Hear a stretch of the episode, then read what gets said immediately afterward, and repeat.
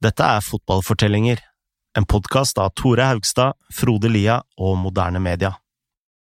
I en leilighet i Moskva på 80-tallet sitter Roman Abramovic og selger gummiender. Alt han vil, er å bli rik. Snart treffer han forretningsmenn som i praksis planlegger å rane den russiske staten. Ranet gjør Abramovic til en av Russlands rikeste menn. Men når Vladimir Putin kommer til makten, begynner et spill hvor kun de lureste oligarkene får beholde formuen og friheten. Det er da Abramovic bestemmer seg for å snu engelsk fotball på hodet.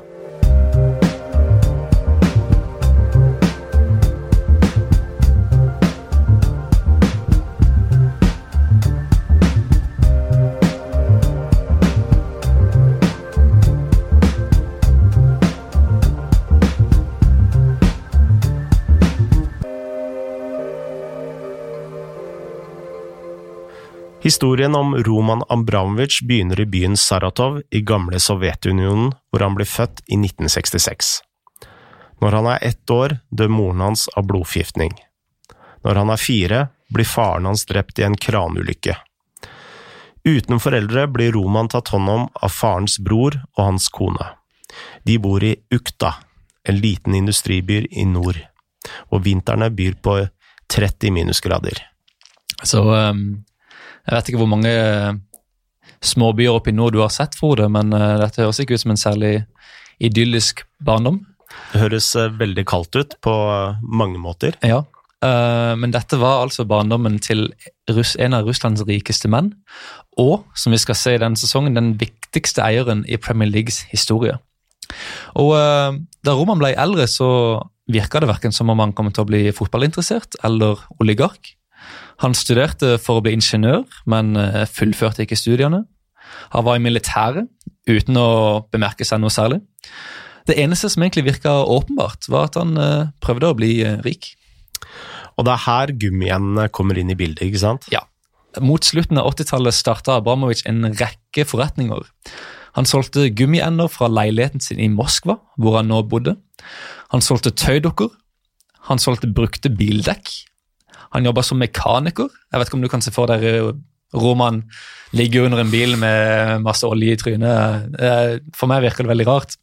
Men uh, bildet av Abramovic på denne tida var, da var jo en ung mann som sakte, men sikkert prøvde å bygge opp en formue. Så skjedde noe som endret alt. Sovjetunionen var jo som kjent et kommunistisk land, så alt ble eid av staten. Men i 1991 falt unionen, et hav av land i Østen fikk selvstendighet. En av disse var Russland, hvor den nye statsministeren, Boris Jeltsin, fikk ansvaret for å bygge en fri økonomi. Ja, dette var jo en uh, enorm oppgave for Jeltsin i et så stort land som uh, Russland. Og um, For å vite litt mer om denne tida, da, så har vi tatt en prat med en forfatter. Uh, James Montague er en journalist som har skrevet for bl.a. The Guardian og The New York Times. I, 19, nei, i sorry, 2013 ga James ut The Billionaires Club, en bok om eiere i fotball. Og En av tingene han skrev om i den boka, var forholdene i Russland som gjorde Abramovic rik. Well, you've got this. You've got a situation where the Soviet Union has collapsed. The Berlin Wall has been knocked down. Uh, you know, Francis Fukuyama famously talked about the end of history, and and this was a very optimistic time. I mean, my family's Polish, so I mean, for me, watching this happening as a kind of 11 year old boy, uh, this seemed to be seismic and incredible and a, and a, huge opportunity. And for a lot of countries like Poland, for instance, and even if you look at countries which have a problem at the moment with uh, illiberal democracy, places like Hungary, you know, it has it has been a transformative um, moment.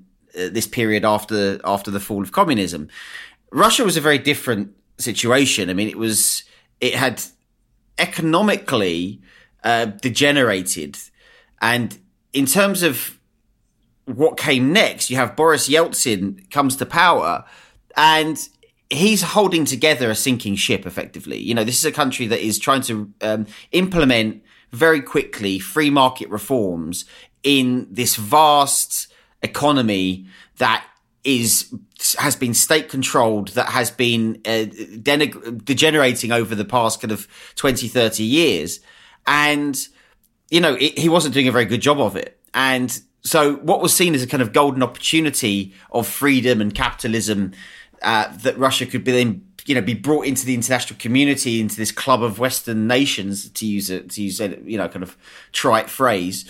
Um, actually, the, the opposite happened. Um, and essentially the, the Russian state gets looted by a handful of individuals, a handful of men, and they are all men, who are at the right place at the right time to be able to hoover up state assets at a time when the Russian economy needed to offload these to, to you know, for the international community as much as anything else, but also it needed hard currency.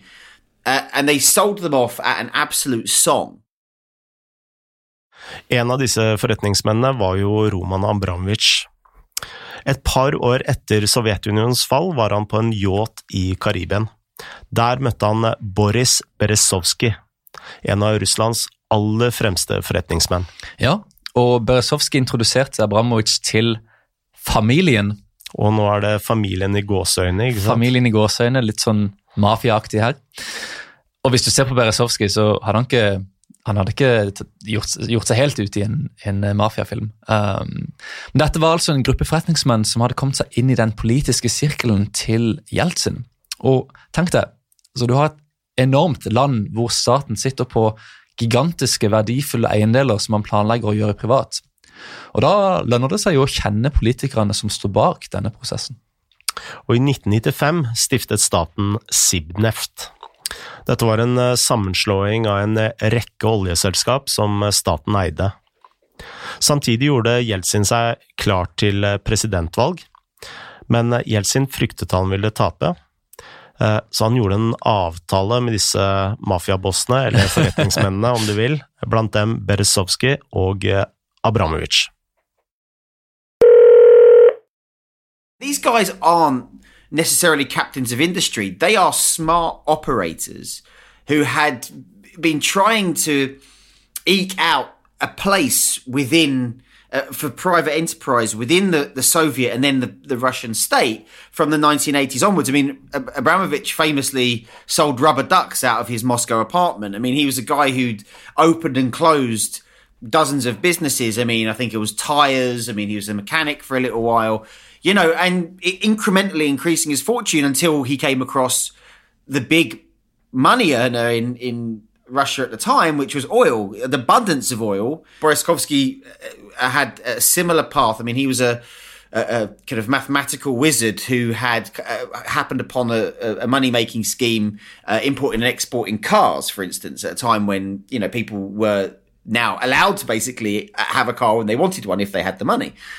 And so these two characters, along with a slew of others, eventually effectively carved up the Russian state, or to, in terms of the, the state-owned assets. Um, and the scheme that's absolutely pivotal here is the loan loan for share scheme, which was effectively that money would be given to the Russian government and in particular to Yeltsin's re-election campaign at a time when it looked like a hardline communist leader might get back into the Kremlin, which isn't what the West wanted, which isn't what uh, Yeltsin wanted, and it wasn't what the new kind of capitalist elite in Russia wanted. And so the quid pro quo was that they would then have first dibs at a knockdown price for, uh, you know, the, the, the oil, for the gas, for the, uh, aluminium, you know, all these kind of massive, vast, lucrative heavy industries, they'd get first bite of the cherry. Men Tore, dette er jo reinspikka korrupsjon. ja, det er jo egentlig det. det, det. Altså, du har en eh, statsminister som håver inn penger fra en gruppe forretningsmenn for å vinne et valg. Til gjengjeld lover han at uh, han skal gi dem eh, flere av statens mest verdifulle eiendeler på billigsalg, eller First Price, som price. First Price, dette var dealen, og det var dette som skjedde. Jeltsin vant valget i 1996. Planen hans fungerte. Og eh, han måtte jo holde sitt, sin del av løftet, da. Så de neste årene auksjonerte staten bort eiendeler til private forretningsmenn. Innen den tida var Beresovskij og Abramovic blitt partnere. Og vi husker jo Sibneft, dette enorme oljeselskapet som staten hadde stifta. Berezovskij og Abramovic kjøpte dette av staten for 65 millioner pund. Og hva skulle det egentlig ha kosta? Hva var egentlig markedsverdien? Er altså 65 millioner pund høres jo veldig mye ut, men Sibneft skulle egentlig ha vært 1,9 milliarder pund. Altså betalte disse to en trettiedel av det Sibneft egentlig var verdt.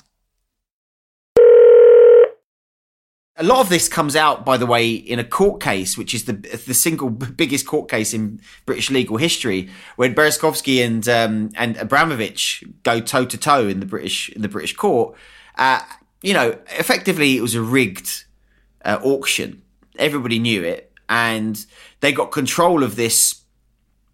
Uh, these companies a knockdown price that were then worth multiple billions of of euros uh, very quickly, and that was how that was how it was it was made. And in that environment where uh, organized crime was rife, uh, you know, you have this period in in uh, a bit after that called the aluminium wars, and you know who controlled the aluminium smelting plants in the north of the country in Siberia, for instance. Um, you know, Abramovich was involved in that, and you know, dozens of people were killed in that in that kind of turf war to control it.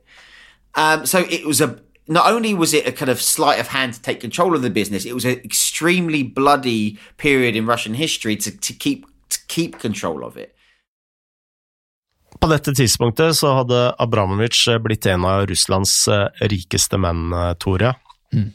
Men det var vel ikke slik at eh, oligarkene bare kunne leve livet sitt? Som om ingenting hadde skjedd, for i 2000 ble Vladimir Putin president. Og Putin han var ikke villig til å spille andrefiolin for disse oligarkene. Nei, under Jeltsin så har det jo vært sånn at liksom, eh, sant, disse forretningsmennene eh, utnytter staten og kanskje Jeltsins svakhet, sant, og han måtte vinne et valg. Riktig. Når Putin kommer til makten, så sier Putin nei. Jeg, ikke, jeg vil ikke at dere skal liksom herse rundt med staten og stjele ting. Dere jobber for meg nå, sier han. Uh, han Putin ville at disse skulle sponse hans initiativer. Og det de definitivt ikke skulle gjøre, var å gå imot Putins egne politiske interesser. Men her var vel ikke alle oligarkene som uh, hørte på Putin? Nei. Beresovskij var en av de som uh, satte foten ned mot dette. Allerede i august 2000 kritiserte han Putin, og nesten umiddelbart da, så anklaget den russiske staten Beresovskij for korrupsjon. Han måtte flytte til Frankrike og fikk senere asylum i Storbritannia. Og Der ble han funnet hengt i 2013 i sitt eget hjem. Um, og det er ikke helt sikkert ennå om han faktisk tok, tok, sitt eget liv eller ikke. Men det var også en annen oligark fra Jeltsin sin tid som uh, valgte å trosse Putin, var det ikke det? Jo, det var en annen fyr. Uh, Mikhail Khodorkovskij var Russlands rikeste mann på den tida. Han, han, var en modig kar. Han anklagde i praksis regjeringa, altså Putin, for korrupsjon i et møte med Putin på direktesendt TV. Samme år ble Khodorkovskij arrestert selvfølgelig på anklagelser om korrupsjon og skattesnusk. Og I 2005 ble han dømt til åtte års fengsel, som han bl.a. måtte sone i en sone øst i Sibir. Forsvarerne til Khodorkovskij sa at staten i praksis hadde funnet opp disse anklagene. Uansett altså kollapsa oljeselskapet til Khodorkovskij, og han mista i praksis alt han eide. Med andre ord, det er, eh, det er én regel, en gyllen regel. Ikke tull med Putin. Ikke tull med Putin. Abramovic eh, på den andre sida, han var lur nok til å, til å høre på Putin. Ja, han uh, satte ikke foten i det hele tatt. Uh, Abramovic har aldri kritisert Putin. Han skal ha anbefalt Putin som Jeltsins etterfølger på 90-tallet.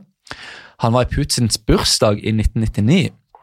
Og ifølge vitnesbyrdet som Berezovskij ga i rettssaken i London, skal Abramovic også ha kjøpt en yacht til Putin.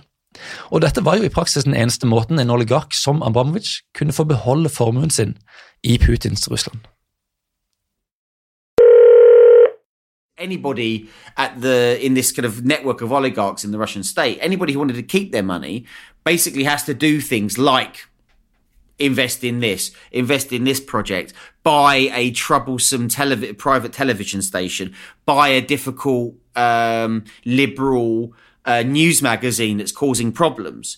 And that's kind of how the system works because he has this. I think he uses the phrase cudgel that he'll use a cudgel like a like a something to beat somebody with if you don't fall in line, and that is absolutely the the, the, the core of of how the system works and.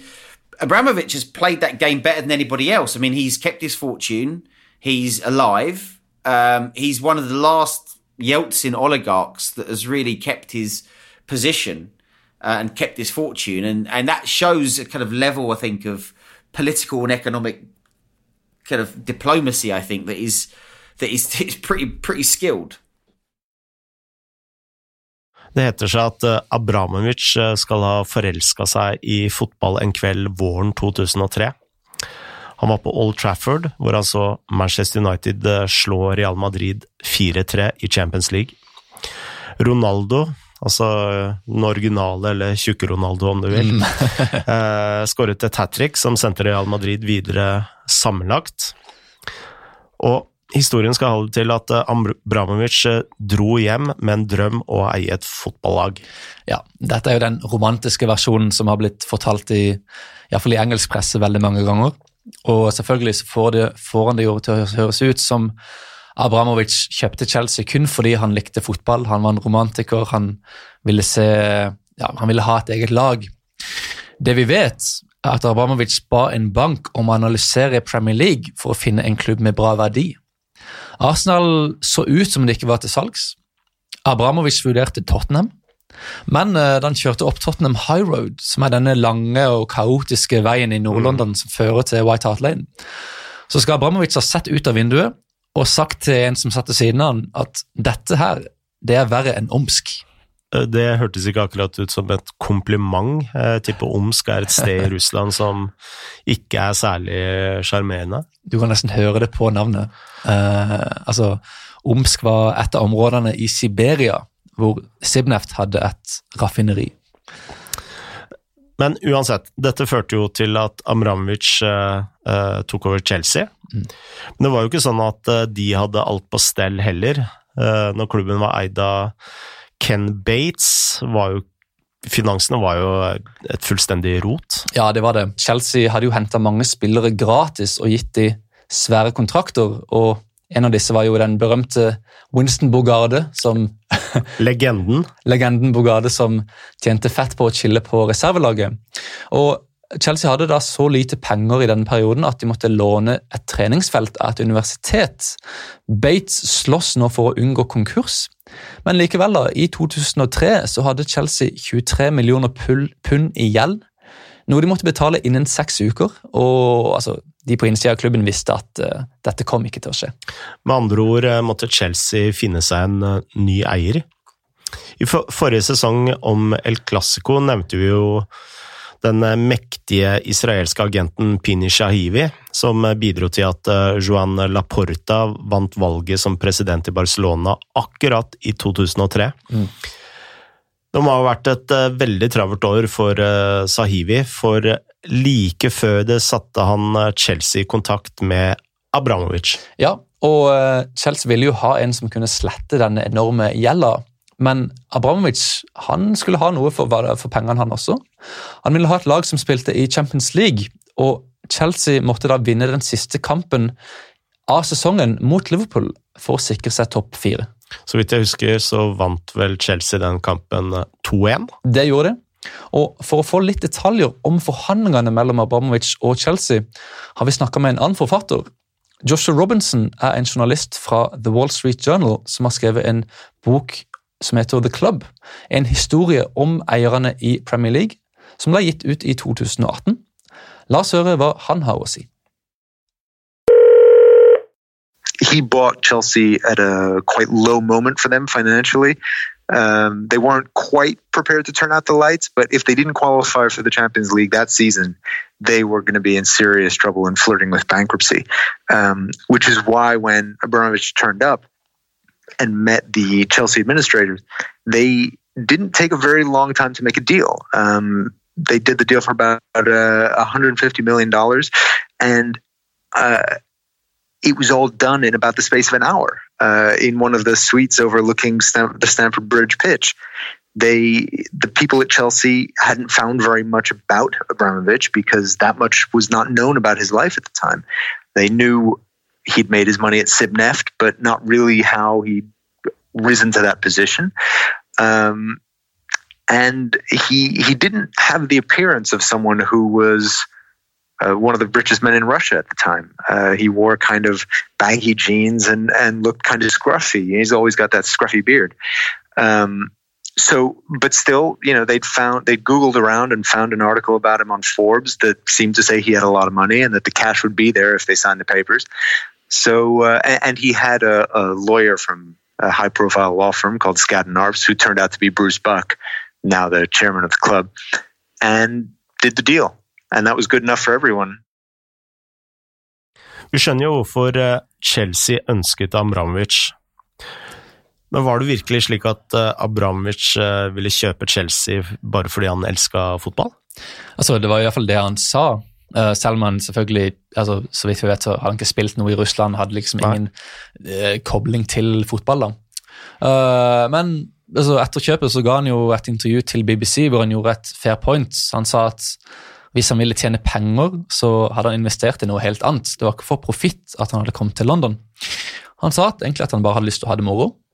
Og uh, siden har Abramovic så, så, vidt gitt intervjuer, så det er jo vanskelig å vite akkurat hva han tenker med dette. Men uh, det finnes da en teori om at kjøpet hadde noe med Putin å gjøre. Vi spurte James Montague om eh, intensjonene til Abramovic. I mean, this is the $64,000 question. I mean, you know, why did Roman Abramovich buy Chelsea? I think it's very difficult to come to a to a really solid answer. I think what we can do is dismiss every other sim- single uh, answer that's been given by him and by others around him. That he just loved football, okay? That he wanted to invest in a business. I mean, this man deals in multi-billion dollar deals uh, like before breakfast. Chelsea was not a business that a sane man would invest in. Even if he sold it now and, and Chelsea might even be worth more than Manchester City, he would still only break even on his investment. You know, so this isn't this isn't a this isn't an investment in the kind of in the traditional way of looking at investments. So if you take all of that out, then you have to think what's left and why would somebody buy this? This is a man who hated publicity, that lived in the shadows, that for the first few years of his um, as a kind of grey cardinal within the within the Kremlin, Russian television didn't even have a picture of him. So why take why buy one of the like most storied clubs in one of the biggest leagues in the world if you didn't want that kind of publicity? And I think the answer to that question is that he he kind of did want a type of publicity, and that's the publicity that makes um, in a non-confrontational way makes you almost very difficult to take out in the same way that if you look at Bereskovsky and how he was he was kind of ruined and destroyed because they had ideas above their stations. And the same thing happened to Kordakovsky, another one of R- Russia's richest men. If you got any ideas about politics, if you got any ideas about challenging Putin, uh, you were destroyed, and that those wins could change very quickly. But buying Chelsea, and the way I've always looked at it is, is that Chelsea was a, a, kind of form of insurance policy. You know, buying Chelsea gave you a non-threatening international, um, uh, global reputation, and it would argue it would there would be t- many, many, many questions if what happened to Kordakovsky or Bereskovsky then happened to Abramovich. And I think that that's how you can start to look at why somebody would go against everything that he's ever done in his business life by buying Chelsea. Jeg syns det er på tide å uh, faktisk fremheve hvor uh, rik Ambramovic uh, faktisk var. Hm. Altså, Premier League hadde hatt rike eiere før, men det var jo ingen og da mener jeg absolutt ingen som var i nærheten av uh, Abramovic uh, sin rikdom. Nei, han var jo den første sånn superrike eieren i, i Premier League. Um, vi husker jo at Beresovskij hadde forlatt Russland, og uh, Abramovic hadde utnytta dette allerede. I januar 2001 så kjøpte han opp aksjene til Beresovskij i Sibneft. Og i 2005, to år etter kjøpet av Chelsea, så skulle Abramovic selge 72% av aksjene i Sibneft til Gazprom, som er denne ja, sånn oljeselskapet med denne plagsomme musikken i, i Champions. Mm. Det, denne dealen da ga Abramovic 7,4 milliarder pund. Og Chelsea kosta han 140 millioner pund? Ja. Det er jo strengt tatt bare vekslepenger. I praksis. Um, og Det andre som var spesielt og nytt med Abramovic, var at han var villig til å tolerere enorme finansielle tap for å kjøpe spillere og styrke laget. Og Som Robertson fortalte oss, så starta dette et helt nytt kapittel i engelsk fotball. Until, for most of the history of the early Premier League and, and English football before that, the owners were people who were usually self made men. They were from the local community and decided at some point, once they'd hit it rich, uh, that they would buy their local football club, the, the team they'd supported as a boy.